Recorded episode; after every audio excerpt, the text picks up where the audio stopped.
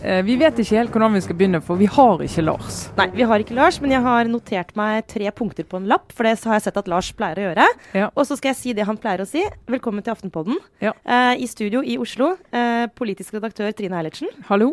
Så må du introdusere meg. Og selvsagt kulturredaktør Sara Sørheim. Hallo.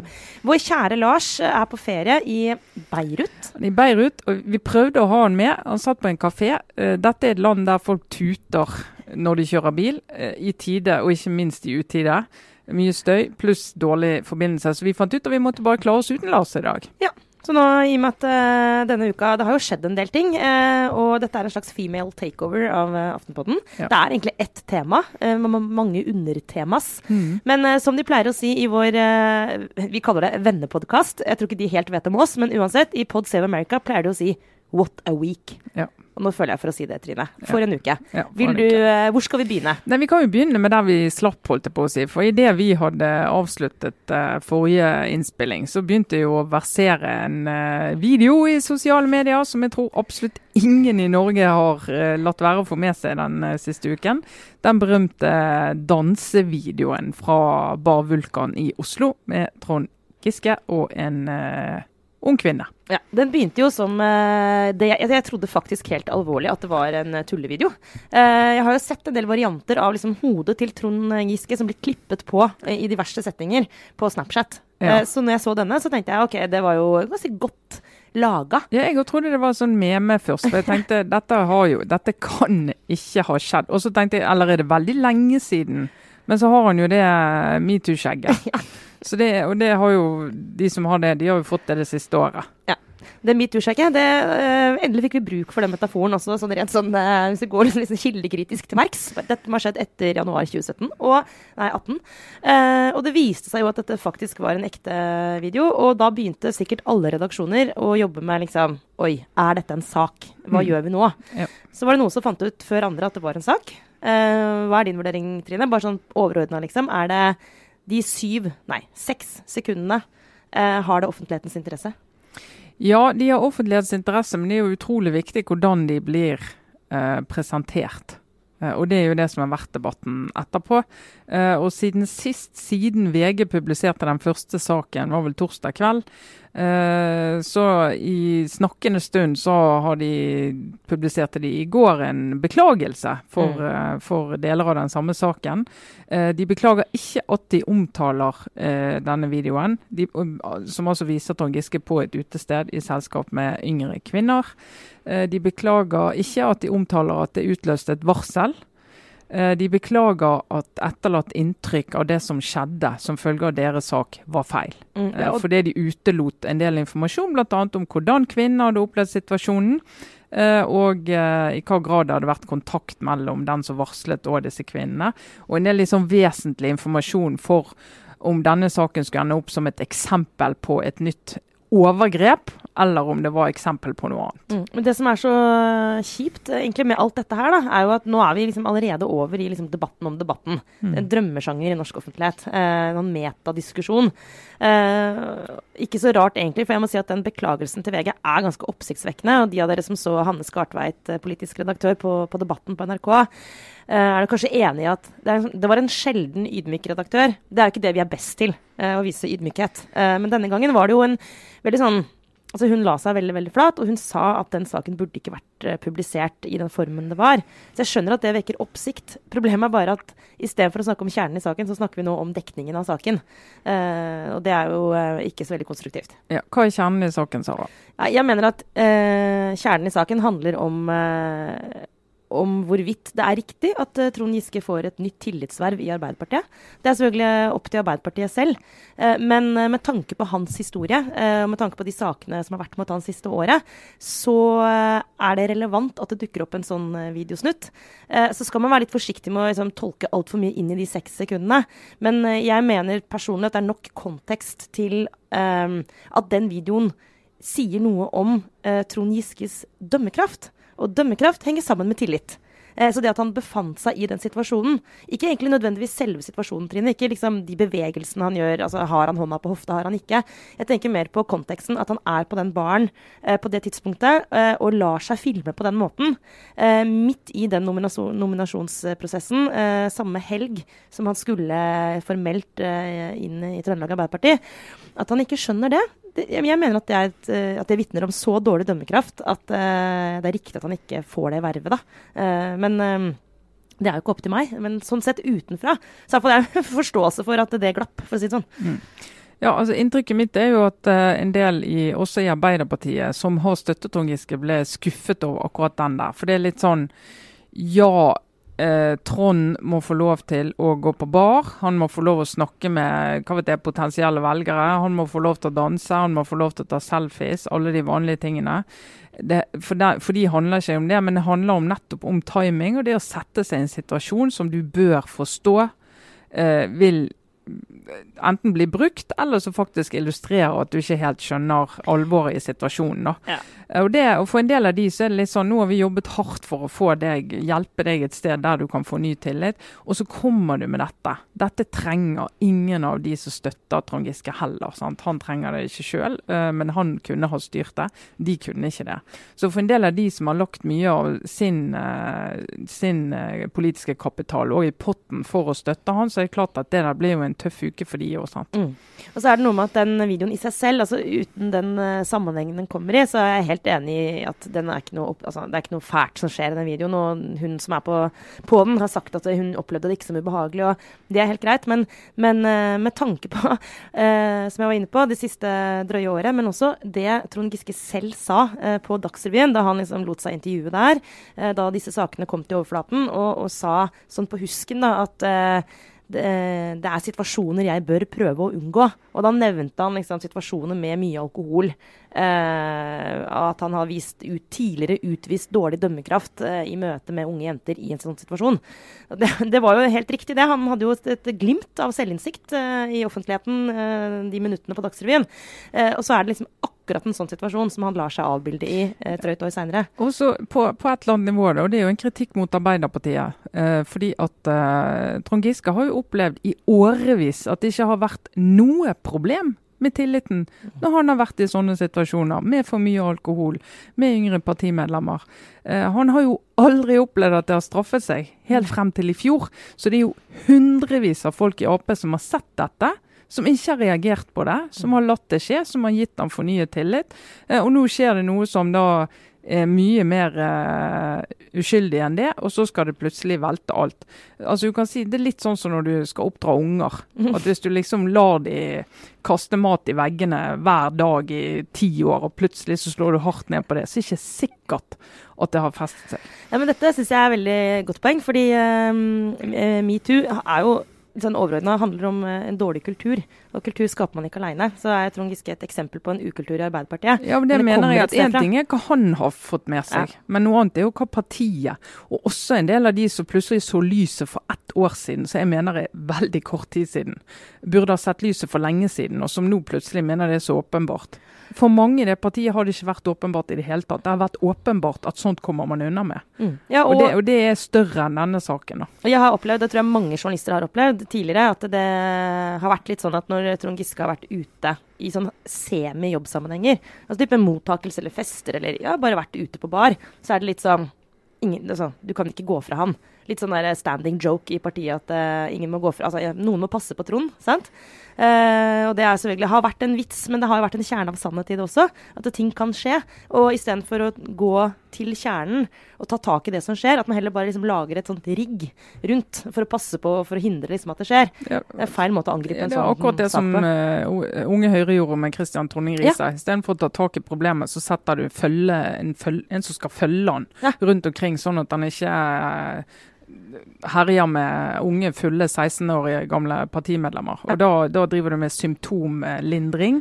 Du driver ikke med å prøve å kvitte det med problemet, da. Og så er det jo eh, nå en stor diskusjon eh, både i, når det gjelder han, eh, selvfølgelig Trond Giske, Ulf Leirstein i Frp, om, liksom, det nå, om, det er riktig at de kan komme tilbake. Klassekampen har hatt flere saker på det nå. Og så er det jo litt sånn det snakket vi om sist, og skal ikke gå altfor langt inn i det. Men det er ikke som at de har uh, sittet i fengsel. Dette er jo en helt annen type problemstilling. Og de organisasjonene må jo få lov til å finne ut av det sjøl. Altså det med tillit er noe som Han har tillit til Arbeiderpartiet, Trond Giske. Det må på en måte Arbeiderpartiet uh, finne ut av. Men uh, det er noe med signaleffekten her som uansett er ganske alvorlig. Fordi jeg tror dette er alltid litt vanskelig når man skal snakke om tidsånden, men liksom, tidsånden har endret seg. Mm. Eh, den generelle oppfatningen av hva som er greit, har endret seg. Hvis partiene er veldig i utakt med det, hvis liksom Høyre, Frp og Arbeiderpartiet er helt i utakt med det, og nå tenker at nei, nå er det over, nå har vi hatt et vanskelig år, men nå er det liksom tilbake i gamle dager, så tenker jeg at det, eh, jeg tror det er uh, feilvurdering også på sånn Altså, jeg tror de bommer på tidsånden hvis de tenker at disse gutta er liksom restituert og klare for å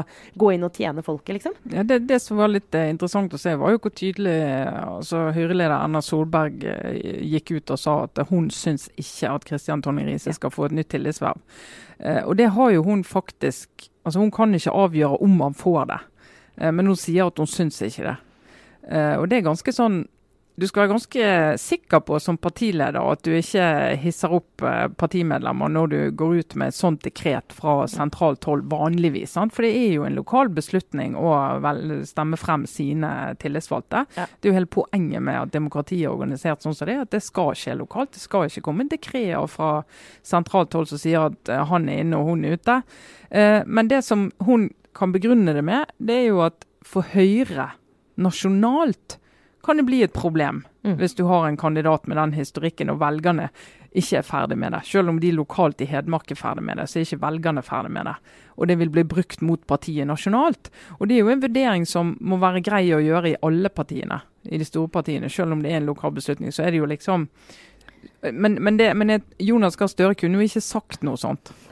Eh, fordi at eh, det ville bare sant, Han har sagt han har jo sagt nå at han syns ikke Trond Giske er klar for ny tilsvær. Og igjen, det er jo helt fascinerende at det gjør han etter denne episoden. Ja, vi kan jo, altså det var jo en, ja, For nå skal vi egentlig inn på liksom sidesporet. Eh, men som er sånn alt det sosiale som har skjedd, eller alle de liksom, alt det som har vært sånn behind the scenes i denne saken den siste uka. Det har jo vært, eh, det vært høye bølger i andedammen, mm. rett og slett. Og det begynte for min del, og for manges del, på en sånn fredagspils eh, før helgen. Eh, da denne videoen selvfølgelig altså Ok, dette, Jeg er klar at dette er en veldig alvorlig sak, men det er også noe veldig sånn dypt komisk med den videoen. Eh, det uttrykket i ansiktet. og Det er selvfølgelig lagd veldig mange gøye varianter av den videoen. Eh, jeg har vært med, vært med på noen av dem selv. Veldig fristende å liksom sitte og tøyse og tulle med det. Så det var ganske sånn lystig stemning rundt bordet med pressefolk og eh, politikere. Som jo Vi møtes jo. Sånn er det. Det er liksom ikke en konspirasjonsteori. Men da, da den meldingen kom om at Trond Giske skulle på Dagsrevyen, så var det helt åpenbart at store deler av Arbeiderpartiet ble tatt av de som befinner seg her i byen, ble tatt på senga av det. Uh, og det å sitte på bar og se det intervjuet For da tok jo alle opp mobilen, satt vi der, en gjeng med folk, og så Trond Giske på Dagsrevyen. Og det var jo, i mine øyne i hvert fall, Trine, en slags krigserklæring egentlig. Ja. Altså, tok, eh, både, altså, tok, kommunikasjonsavdelingen i Arbeiderpartiet helt på senga. De visste ikke om det. Tok eh, Støre helt på senga. Stiller opp der på direkten i sånn skiantrekk, litt sånn koselig sånn utafor hytta. Eh, og er egentlig bare ute etter å lage kvalm da, for da har han jo allerede tapt. Ja, men Det han var ute etter da, var, det var å reindyrke budskapet om at her er det VG som har gjort en dårlig journalistisk jobb. VG bør beklage. VG har gjort en, altså Sånn PR-messig tror jeg akkurat det Eh, var hans tanke. da. At Nå må ikke jeg snakke så mye om selve saken, nå må jeg bare få pin, pinnet dette på VG. Ja, Det lyktes han jo med, da. Eh, ja, nå har VG har beklaget. Eh, ja. Så han kom jo i mål på akkurat det. Men så sa han to ting til. Det ene sa at det var nok, det var nok dumt gjort. Det går det an å skrive under på, å gå på den baren. Eller ikke gå hjem fra den baren. Ikke gå hjem når jordrådet gikk hjem, som han åpenbart burde gjort. Burde gjort. Uh, for uh, sin egen del og for hans støttespilleres del. Og Det andre han sa, det var jo at uh, han kom egentlig med en erklæring mot partilederen, Jonas Gahr Støre, når han sa det at Jonas Gahr Støres reaksjon, hvordan reagerer du på det? ja, nå er jo Jonas Gahr Støre partileder så lenge han er partileder, så det ja, til vi får en ny. tar jeg til etterretning. Og det er jo blitt lest med god grunn som en sånn iskald eh, pil i retning eh, Jonas. Ja, og så gikk vel Giske litt tilbake på det over helgen og sa at han roa seg litt ned og at det gikk en kule varmt og sånn. Jeg tror han er smart nok til å skjønne at hvis han nå legger seg ut i åpen strid med partiledelsen, eh, så kommer han til å få skylden for neste, neste valgnederlag. Ja. Men dette her er jo sant, et eksempel på hvor utrolig lada hele denne saken er. Du var inne på det, Trine. I, i Høyre så tåler de at partilederen går ut og sier, så, altså, sier det hun sier om Riise. Og det blir egentlig ikke lest som noe mer enn en, hennes mening om han og hans mm. kandidatur. Mm. I Arbeiderpartiet så er alt inn i en kontekst, øh, og inn i en eller annen fraksjon, da. Um, og jeg tror aldri jeg, i hvert fall Det er mulig jeg, jeg var liksom ikke voksen nok under Jagland og Stoltenberg-striden eh, som vel kanskje er det man kan sammenligne med. Men jeg har aldri opplevd en sak, Trine, hvor, liksom, hvor, det er så utrolig spent, eh, og hvor fronten er så harde, og hvor det er så lada. At alt som skjer i dette sakskomplekset, tolkes i mm. en eller annen retning. Mm. Eh, og denne uka har jo vært eh, eh, bursdags... Altså det har vært liksom vi kan nesten kalle det bursdaggate i norsk politikk. Fordi Ikke nok med at dette, dette kan, denne kanskje krigserklæringen fra Trond Giske kommer på fredag, men så er det da tirsdag duket for uh, den tilsynelatende helt uskyldige bursdagsfeiringen til uh, Hadia Tajik, uh, Tajiks kjæreste, Christian Skar, vår tidligere kollega som politisk journalist i DN. Og dette skjer jo, kan man velge å se på to måter. Det er, det er en privat bursdagsfest med venner og bekjente. Eller det er hva skal vi si for noe, et innlegg eller en slags sånn, en handling i en strid som egentlig handler om en maktkamp i Arbeiderpartiet. Altså, Hvor skal vi plassere dette her? Det er altså journalister, kommentatorer, PR-rådgivere, reklamefolk og politikere som møtes en kveld. Ja, det er det. Uh, og det er, jo, det er jo en litt sånn semiprivat setting.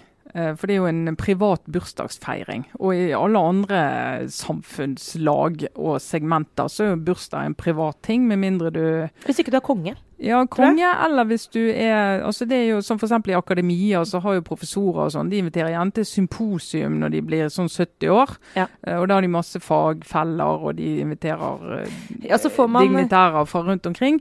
Og så får man festskrift. Det lurer jeg litt på. Får man festskrift ja. og sånn? Det, folk som er litt eldre enn oss får det. Eh, sånn at Der blir bursdag noe annet, men da er det jo store, runde dager. 47-årsdag pleier ikke å kvalifisere for verken festskrift eller uh, symposium, men det kan kvalifisere for uh, fest på et utested i Oslo. Så er det jo da det, og jeg må få si det med en gang, for jeg har det så på hjertet. Det var jo så veldig veldig vittig. I en sånn uke så tror jeg en del redaksjoner sant? Masse journalister fra Oslo-redaksjonene, for det er der de kommer fra, er invitert på denne festen. Uh, og så sitter redaksjonen skal vi dekke dette? Og så blir det litt sånn ja, skal vi dekke det? Hvordan skal vi dekke det? Men i hvert fall Nettavisen dekket det. Og da, VG da, de lager en slags sitatsak av Nettavisen. Sak som stiller opp med fotograf og det hele. Og liksom hvem er på festen? og så skriver VG med legendarisk åpning. VG erfarer at grunnen til denne festen var Kristian Skars 47-årsdag. Og så vet vi det at erfarer det er en sånn innpakning av å vise frem at journalisten har snakket med Deep Throat. Ja. Vi har kilder som altså, ingen andre har. Vi, og de er så tett på der beslutningene tas. Og dette er helt sikkert riktig. Altså, du kunne ha skrevet gang, ja. 'vi vet', 'vi vet'. Og så er det bare det at en hel haug av de på gjestelisten jobber i VGs redaksjon. Så istedenfor å si VG vet, eller vår journalist bekrefter, eller, eller på sånn, Facebook-invitasjonen ja. står det. Går jo an å skrive. Det går an. Eller folk i salen. Du kan be en av dine egne ansatte om bare en, en eh, skjermdump av eh, Facebook-invitasjonen. Nei, VG erfarer. Og så, eh, og sånn fortsetter det, da. I en helt merkelig, merkelig sak, der VG, du merker at VG ikke vet hvordan de skal håndtere at de står midt oppi dette dramaet om dekningen av eh, siste kapittel i Giske-saken. Eh, og det faktum at dere journalister er på denne festen. Og hva er dette for en fest? Nestlederen i Arbeiderpartiet, en av Giskes store motstandere, eh, med, eh, medvertinne her. Hvordan skal vi gjøre det? Og så blir det en sånn helt, helt uh, merkelig sak. Ja, altså Det uh, som jo gjør dette til en, et arrangement som er mye mer enn en vanlig bursdagsfest, er jo nettopp at uh, Arbeiderpartiet er så fløyinndelt. Så her har du rett og slett altså tilfeldigvis, eller ikke tilfeldigvis, så er da de som er fra partiet på denne festen, tilhører den fløyen som er anti-Giske. ikke sant? Og så er det jo sånn at redaksjoner altså Redaksjonene har dekket denne saken ganske ulikt. Det har vært noen som har liksom ført an i, eh, i, sak, altså i, nyhetssakene som har handlet om Trond Giske. Og der har DN og VG vært liksom veldig mm, offensive. De har hatt de fleste sakene, og de har også hatt eh, liksom flest kilder som er anti-Trond Giske. Uh, og mer eller mindre, altså, Av en eller annen grunn, da, så ikke spekulere for mye, så er det også de journalistene som er på den festen. ikke sant? Så når du ser det utenfra, så ser du at det er, det er liksom kilder og journalister som ser ut som de tilhører liksom samme side. Og det er her det begynner å bli eh, sånn samrørestemning, ikke sant? Ja, og det, der, det, det der jeg tror altså de som var på denne eh, festen, og det skal vi snakke om, Sara, for du var jo der. Eh, ja. Eh, de, Å tenke over litt timingen på ting. Sant? Fordi at det er klart at Hvis, hvis Hadia Tajik og Christian Skav var blitt kjærester for fem år siden, så hadde det vært en notis. Og så hadde de invitert på en sånn fest, og ingen hadde brukt så mye energi på det. Når det skjer nå Marie Simonsen er der, Hege Ulstein er der, eh, Kjetil Alstadheim i DN er der. Eh, tre av de kommentatorene som har skrevet skarpest om dette siden forrige torsdag. Eh, og de journalistene som har dekket det, som er helt sentrale i det, er der. Så det er klart at sett utenfra så ser det ut som at dette er litt sånn samling av rørsler. da. Mm. Sånn kan det se ut. Og det er litt sånn og så kan du si, Skulle du da ikke gått fordi at denne saken kom uken før den festen, ville det blitt rart? Ville det blitt kunstig? Ja, det ville jo det. Mm. Eh, og så må man liksom ta inn over seg at Kristian Skar, som har jobbet i norsk politisk journalistikk i en mannsalder, bokstavelig talt, han kjenner alle disse folkene, har kjent de lenge. Mm. De ville vært i hans bursdag sannsynligvis uansett. Eh, men det som er utfordringen, er jo nettopp det at han da er sammen med en av de aller viktigste aktørene i Arbeiderpartiets store, største, verste drama i nyere tid. Og da, og da blir det sånn for en del utenfra, tror jeg dette her ser pussig ut. Men jeg, jeg, det tror jeg det gjør. Eller jeg ser jo at det gjør det. Det er, det er jo saker som, eh, med den vinkelen overalt. Uh, jeg lurte faktisk sjøl på om liksom, er det riktig å gå på den festen. Vi snakker om Giske-saken her i Aftenpodden. Uh, Aftenposten dekker selvfølgelig dette på nyhetsplass. Jeg er redaktør i Aftenposten og jo, har jo makt inn i redaksjonen her. Kan jo, hvis jeg vil, uh, drive med uformell påvirkning. Og det er ikke noe tvil om at den um, Eh, altså Hvem jeg omgås og hvem som er mine venner, eh, er relevant eh, i, i, offentligheten når jeg jobber i en avis som dekker denne saken. Så jeg syns ikke det var helt sånn åpenbart eh, at det var riktig å gå på den festen. Men det som var åpenbart for meg, det var at hvis vi går på den festen, eh, både jeg og Lars var der, så må vi være helt åpne om det. Det er åpenhet som er sånn stikkordet her. da. Um, jeg tror ikke på den uh, altså sånn, ja, Det som tillegges Kåre Valebrokk, det sitatet uh, som er at en god journalist er en venneløs person. Det tror jeg ikke noe på. Jeg tror helt omvendt. Ja. Jeg tror faktisk Jo flere du kjenner, jo, jo, bedre kan du være som journalist. Og jeg mener at journalister, redaktører, kommentatorer, vi bør oppsøke alle steder hvor det kan skje relevante ting. Gøye ting, spennende ting. Dette her, denne festen For det første har jeg personlig grunn til å gå dit fordi jeg kjenner Christian godt, og ikke noe rart for meg å gå i hans bursdag. Men det er ikke en privat setting. fordi når jeg er redaktør og journalist, så er jeg der også uh, med vissheten om at hvis det skjer noe her som er av offentlig interesse, ja, da er jeg på jobb. Men så lenge det er helt åpenbart, og så lenge det er tydelig, og, og vi snakker om det både før og etter festen, så tenker jeg at da, da syns jeg at det kan forsvares å gå dit. Eh, ikke bare forsvares, jeg mener at det er riktig å gå dit òg. Eh, det er feil å sitte hjemme og under et ullteppe. Eh, men det som ja, og, og late som du ikke kjenner dem, og så heller møte dem neste ja. uke. Det blir jo også rart. Det, alt dette folk er, som jeg, har kjent disse menneskene i 15 år, liksom. Mm. Det som er problematisk, er eh, hvis man som nyhetsjournalist, eller som, som journalist, eh, er, er venner med uh, folk som man skriver saker om. Mm. Det, der er vi ved kjernen. Og, ikke, og, i tillegg, hvis man ikke er åpen om det, uh, hvis det er skjulte bindinger, ja, da, i, da må man snakke med, med, sjefen sin, og så må man sannsynligvis gå, da kan man ikke lenger dekke den saken. Nei. Man kan fint være venn. Men da kan man ikke skrive om saken. Så det er de vurderingene, da.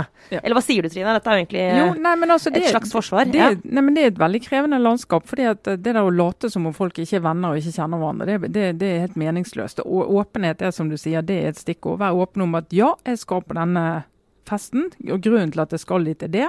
Jeg vurderer rollen min sånn. Men det, men det jeg tror eh, mange av oss er for dårlige til, det er å reflektere over både hvordan det ser ut, etterlatt inntrykk der ute, og, og, hva det kan gjøre med tilliten til oss. For det er klart at for en del Uh, altså nå En av, en av støttespillerne til Trond Giske sier f.eks. at uh, jeg kan ikke gå ut og si noen ting nå, at jeg blir skutt ned av hele kommentariatet i Oslo.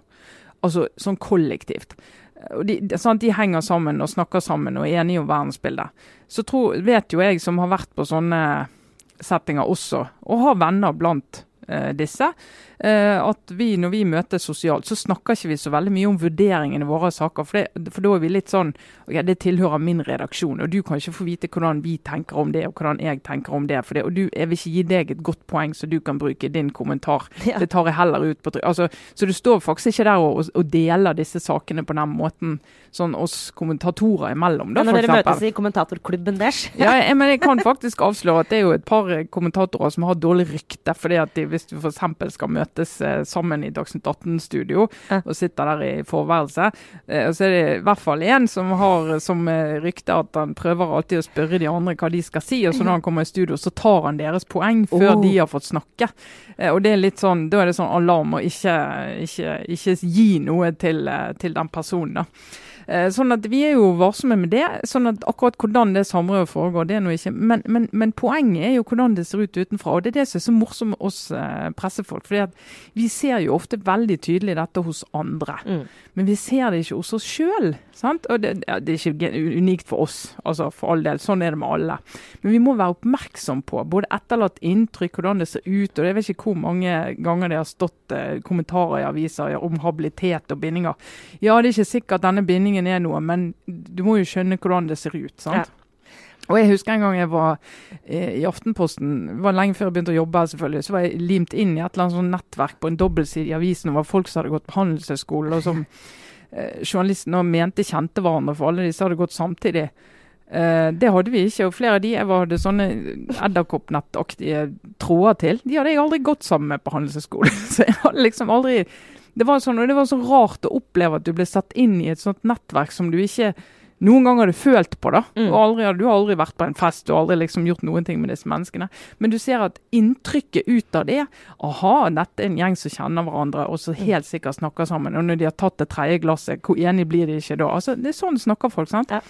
Og Det er litt det der med å skjønne den mekanismen og være oppmerksom på at det kan se sånn ut. Og denne presseklubben i Oslo som dekker de store, viktige sakene for riksmedia som går ut i hele landet, de går jo ikke på en sånn bursdagsfest i Trondheim. Nei. Eller i Bergen, eller et annet sted, og får se hvordan verden ser ut derfra. Men det er jo ikke egentlig bursdagsfesten som er problemet. Jeg tenker og, eh, For eh, Hadia Tajik og Kristian Skar, eh, kom igjen og invitere vei. Altså, Problemet her er jo ikke deres. Eh, jeg tenker det, helt, eh, det, må de bare kjøre på med. Problemet hadde heller ikke vært vårt i bransjen hvis uh, det ikke var noen diskusjon i utgangspunktet om hvordan vi dekker disse sakene. Mm. Det, er, det, er, det, vi må kanskje ta inn over oss at um, noen mener å se en slagside i disse sakene, og det kan jeg egentlig skjønne.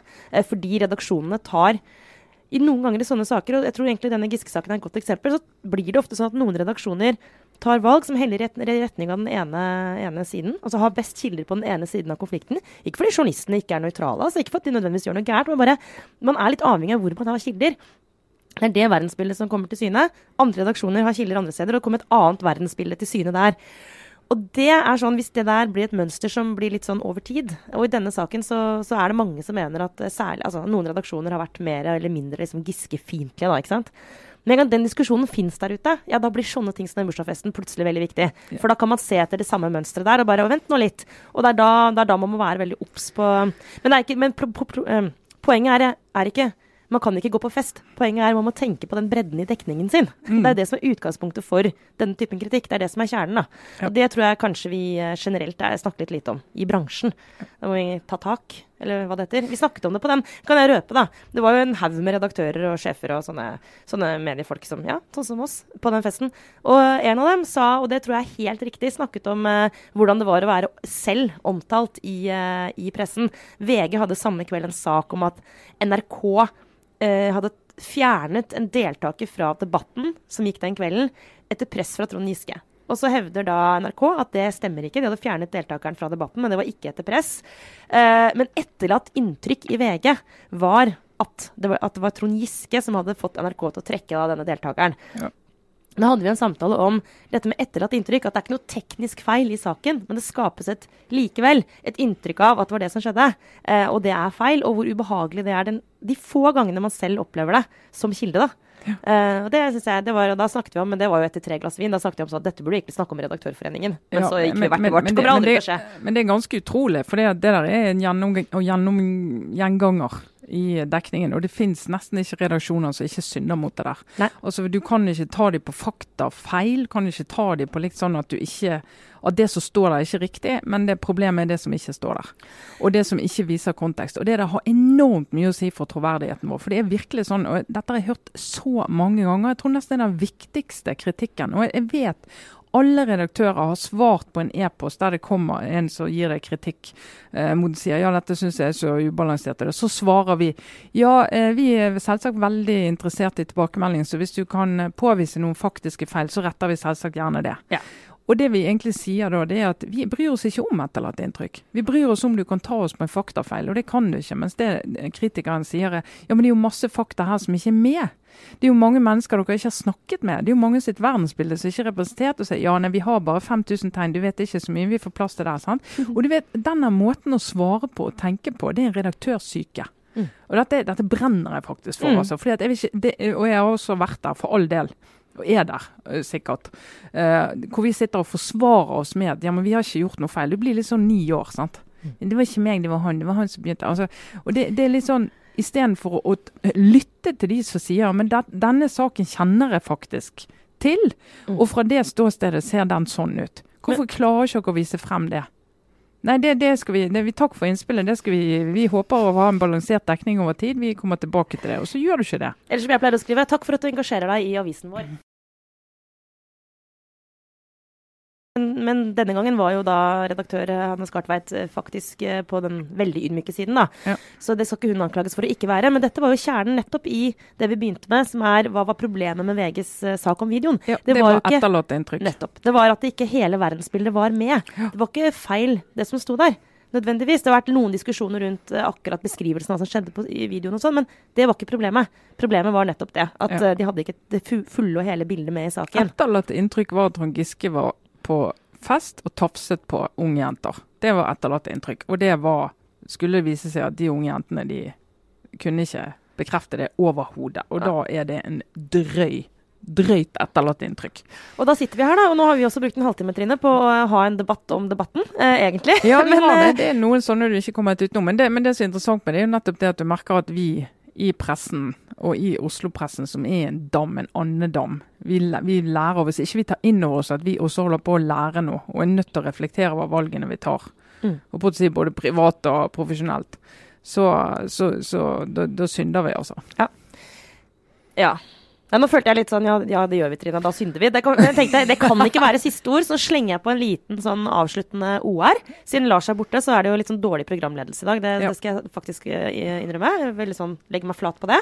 Men, men jeg har en veldig rask OR, og det, det handler litt om det med ja, hva vi synder på eller ikke. Fordi denne uken, og nå går vi, vi fortsetter i metalandskap, ta det helt med ro. Kommer ikke noe vindmøller eller noe Kommer ikke noe substans i dag. Nei! Kom, kom, det som kommer nå, er en kjapp, forhåpentligvis, refleksjon over eh, debatten om Debatten, altså debattprogrammet på NRK, som jo på tirsdag kveld handlet om metoo og Trond Giske-saken og videoen og whatnot, og hvor programleder Fredrik eh, Solvang etterpå var ute og sa at de hadde prøvd og prøvd og prøvd å få kvinner til å stille i den debatten. Det fikk de nesten ikke til. Det var bare en eller to som sa ja. Eh, og han skrev at det bl.a. i hans oppfatning var at det bl.a. skyldes at kvinner er feige. Og det har jo, Den uttalelsen har han nyansert etterpå. Eh, men jeg var en av dem som ble spurt om å, om å delta. Og så had, kunne jeg faktisk ikke, rent sånn praktisk. Men jeg må innrømme her og nå at jeg var ganske glad for at jeg ikke kunne. Altså Når den barnevaktlogistikken ikke gikk helt opp, og jeg kunne ringe tilbake og si åh, jeg kan dessverre ikke. Fordi jeg kjente at det å gå i en metoo-debatt med Pål T. Jørgensen, Per Sandberg og Magne Lerøe Jeg tenkte bare Det handler ikke om feighet. Jeg tror det handler litt om en, en, en faktisk profesjonell vurdering av hvorvidt er det mulig eh, å få en god samtale om fenomenet metoo med denne setupen. Min vurdering Trine, var at det, jeg har ingenting å vinne på å gå dit. det kommer til å, det kommer til, altså, for det er ikke rom for nyanser. Og jeg mener at hele poenget med metoo er at det er en utrolig nyansert og sammensatt problemstilling. Og det går ikke an å diskutere det med liksom tre tabloide sluggere som, som mener at metoo har gått for langt. Altså, og da kjente jeg på sånn Er det feighet å ikke stille? Da burde jeg ha stilt. Jeg fikk litt dårlig samvittighet. Altså, hvis jeg hadde kunnet, burde jeg bare tenkt at nei, jeg tar den for laget. Jeg syns ikke det er noen lett vurdering å gjøre, men jeg nekter egentlig at det skyldes feighet, altså. Ja. Det, vet ikke, du har jo opplevd det her mye oftere enn meg. Du blir jo ofte spurt om å komme i debatter. Ja, det, og da, må jeg som, da sier jeg nei av to grunner. En er åpenbar at jeg ikke kan, og det andre er at dette kan jeg ingenting om. Eller så sier du ja? Ja, ja, hvis jeg, ja det, altså det finnes settinger der jeg tenker, som du, at det her det, Jeg liker ikke settingen. Og så har jeg, jeg var særlig, eh, uten å være helt konkret på det, så var det en setting jeg har vært i, var i, eh, i fjor en gang, som jeg tenkte at det her En ting er at jeg ikke syns at dette er en god setting, men, men de som ser på dette, hører på dette, får ingenting ut av det. Ja. Fordi at det er en dårlig satt opp debatt. da. Ja. Uh, så du liksom tenker mm, Skal jeg gjøre det? Og det, jeg gjorde det likevel, men uh, ja. Det er sånn jeg tenker etterpå. Det, det burde jeg ikke. Men damer må stille oftere. Så jeg hører at jeg sier to ting på en gang. Jeg sier både damer må stille oftere, Ja, men ikke visst. det er veldig ofte jeg også hører ja, men kan du ikke være så snill, vi trenger en kvinne. Og Ja. da er det av og til at jeg lar meg overtale pga. det. For jeg tenker jeg har et lite ansvar da, for å stille. For jeg vet, jeg vet jo hvor vanskelig det er å få kvinnelige kilder i tale og kvinnelige debattanter til å stille. Og når jeg har sagt det, så skal også debatten og Fredrik Solvang ha for at de, de prøver det veldig aktivt. Jeg kan skjønne at man blir litt oppgitt, altså. Men jeg bare, det er et eller annet med at ikke, sånne komplekse problemstillinger må liksom ikke tvinges inn i en, setup hvor det er umulig å få frem en mellomting, da. Denne saken er ikke svart-hvitt, men veldig mange prøver å gjøre den det. Um, har du, som ikke tilhører i samme grad som meg, Trine for du, har, du klarer å holde deg sånn litt lenger ut på stranda. Du er liksom ikke oppi andedammen og svømmer Nei, rundt. nei og det, eh, men det vet jeg jo. Altså, jeg har jo ikke bodd i Oslo særlig lenge, og jeg er ikke vokst Og det, det, det har jeg stor respekt for. fordi at jeg har ikke vokst opp her. Jeg har ikke hatt mitt uh, yrkesliv i Oslo mer enn de siste årene. Jeg har vokst opp i en annen by, så jeg kommer fra et annet sted. Jeg har, jeg har venner her, men de fleste av mine venner jobber ikke i pressen, jobber ikke i politikken, jobber helt andre steder. Så jeg er på utsiden. så jeg er litt sånn, Selv om jeg også har noen nære venner eh, som var på denne berømte pølsefesten. Eh, så var det helt unaturlig for meg både å bli invitert og å være der. For jeg har aldri jobbet med disse menneskene og kjenner de ikke og aldri omgåttes de. Eh, Fordelen med det er jo selvfølgelig at jeg kan være litt sånn eh, strengere på utsiden. Men jeg, som sagt, jeg har jo ydmykhet med tanke på at jeg rett og slett ikke var her. Og ikke har den omgangskretsen. Har du, noen, eh, har du en siste obligatorisk refleksjon, da? Er det et eller annet som har skjedd i resten av verden? Har det noen, eh, har det Noe i, oss, ja. har det vært en reform som har gått oss hus forbi eh, mens vi har plaska rundt? Nei, altså det jeg må si eh, for min egen del, da, at eh, ja, altså det, det kommer faktisk, det må folk følge med på. I morgen kommer denne meldingen om ulikhet fra regjeringen. Eh, og der er jeg litt spent på hva eh, Blir dette en sånn situasjonsbeskrivelse? Forteller om driverne for ulikhet? Eller går vi inn i forslag til løsninger? For det tror jeg blir en eh, interessant debatt. Den tror jeg blir lagt frem i morgen formiddag. Eh, så den kan jo folk følge med på. Hvis noen eh, har hengt med helt hit, eh, så syns jeg det blir, litt mye meta-andedamsprat. Og da, da tviler jeg egentlig på at de er med helt hit. For det, i og med at dette har vært spesialsendingen over alle spesialsendinger om, med, med navlebeskuing. Hvis de har hengt på helt hit, så fikk de da en liten, sånn, liten premie på slutten der. Lite tips om en faktisk politisk sak som Ja. skal omtales denne uka. Men vi er, vi er vel ferdige for nå, Trine? Ja. Vi høres om en uke. Da håper vi at Lars har eh, kommet seg hjem fra Beirut. Eh, Ja, ja, på alle måter håper vi det.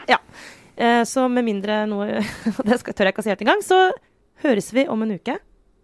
Ha det bra. Politisk redaktør Trine Eilertsen. Ha det. Også meg. Kulturredaktør Sara Sørheim. Takker for oss. Ha det! Hvor langt ble dette? 38. 38, og nettopp. Hvis du bruker tiden.